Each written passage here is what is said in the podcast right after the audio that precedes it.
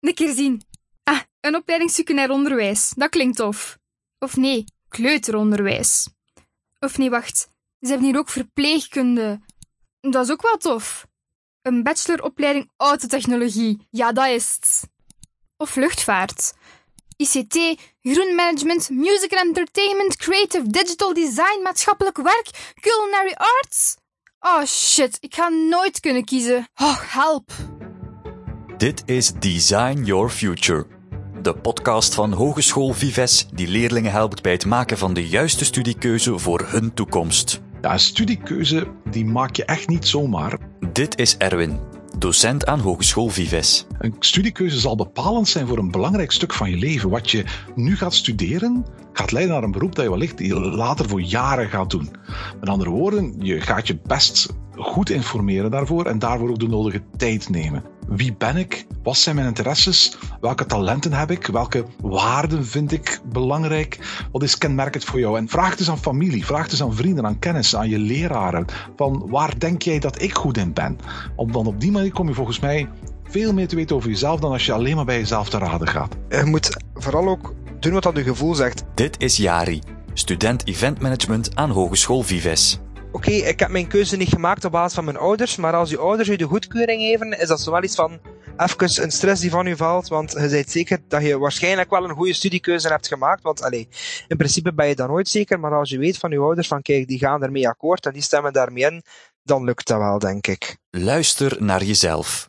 Maar luister ook goed naar je omgeving dus. Een, een leerkracht ziet u opgroeien, weet hoe goed dat je kunt studeren.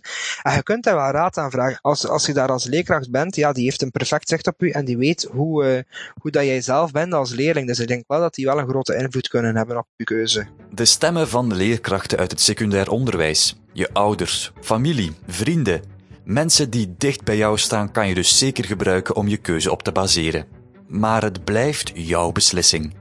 Laat je niet blindelings leiden door die verschillende stemmen. De meeste opleidingen die in Vlaanderen gegeven worden, die worden op verschillende niveaus gegeven. Het niveau van een graduaat, het niveau van een bachelor, het niveau van een master. En je wil natuurlijk niet alleen een match vinden voor jouw um, interesses, maar ook een match vinden voor jouw niveau. Je wil niet te zwaar kiezen, maar je wil ook niet te licht kiezen.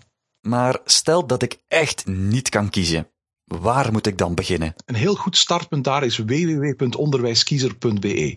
Dat is een website van de Vlaamse overheid met online vragenlijsten. En aan de hand van die online vragenlijsten helpen ze jou verder richting de goede studierichting. Als je daar nog niet uitkomt, of als je uiteindelijk met een te groot aantal keuzes komt, dan is mijn tip: ga eventjes langs bij iemand van het CLB op jouw school. CLB-medewerkers kunnen de keuzes van de onderwijskiezer terugbrengen aan de hand van een kort gesprek naar uh, concrete opleidingen die voor jou geschikt zou kunnen zijn. Het is oké okay dat je twijfelt.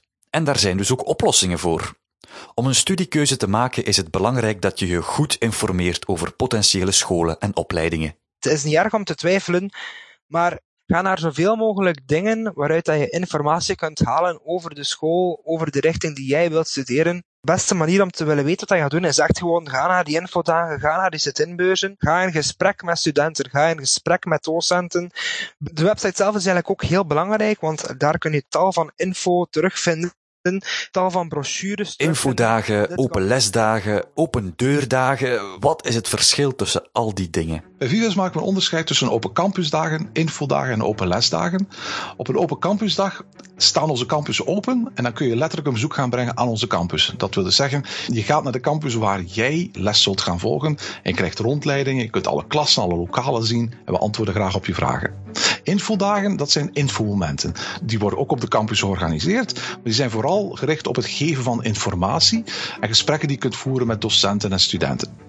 En tot slot hebben we ook de open lesdagen. Die worden georganiseerd in het voorjaar, doorgaans in april en mei. Dan kun je gewoon via onze website een plaats reserveren op zo'n open lesdag. En ter plekke een les gaan bijwonen met studenten uit het eerste, tweede en derde jaar. Die drie zaken, infodagen, open campusdagen en open lesdagen, zijn wat Vives betreft essentiële sleutels in dat studiekeuzeproces van die leerling. En dan zijn er nog de SIT-beurzen beurzen waar alle hogescholen en universiteiten samen te vinden zijn en je graag meer vertellen over hun opleidingen. Die worden elk jaar georganiseerd in elke provincie. Het grote voordeel van SIT-beurs is dat in plaats van dat je naar één enkele hogeschool of naar één enkele universiteit gaat, dat je daar al die onderwijsinstellingen samen kunt vinden. En dat je op de stand van al die verschillende hoger onderwijsinstituten met je vragen terecht kunt.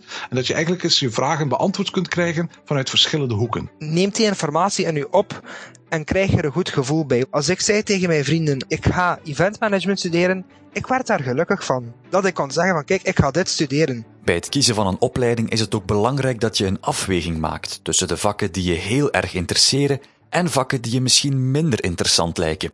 Bij de meeste opleidingen is het zo dat je start met een groot pakket aan algemene vakken. En naarmate je studies vorderen, er meer specifieke vakken aan bod komen hou er wel rekening mee dat je dus zeker ook voldoende interesse moet hebben in die algemene vakken.